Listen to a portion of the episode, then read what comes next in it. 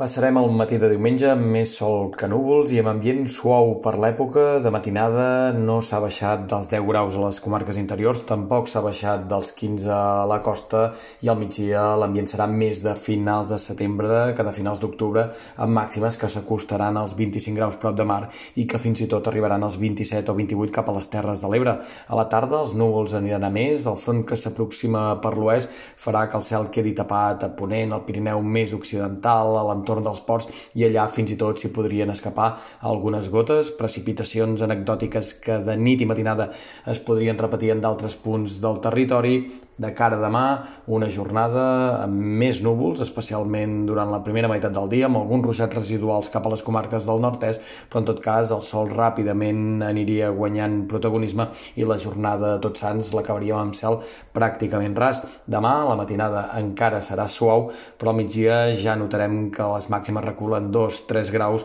aquest descens tèrmic es confirmaria i es consolidaria durant tota la setmana vinent.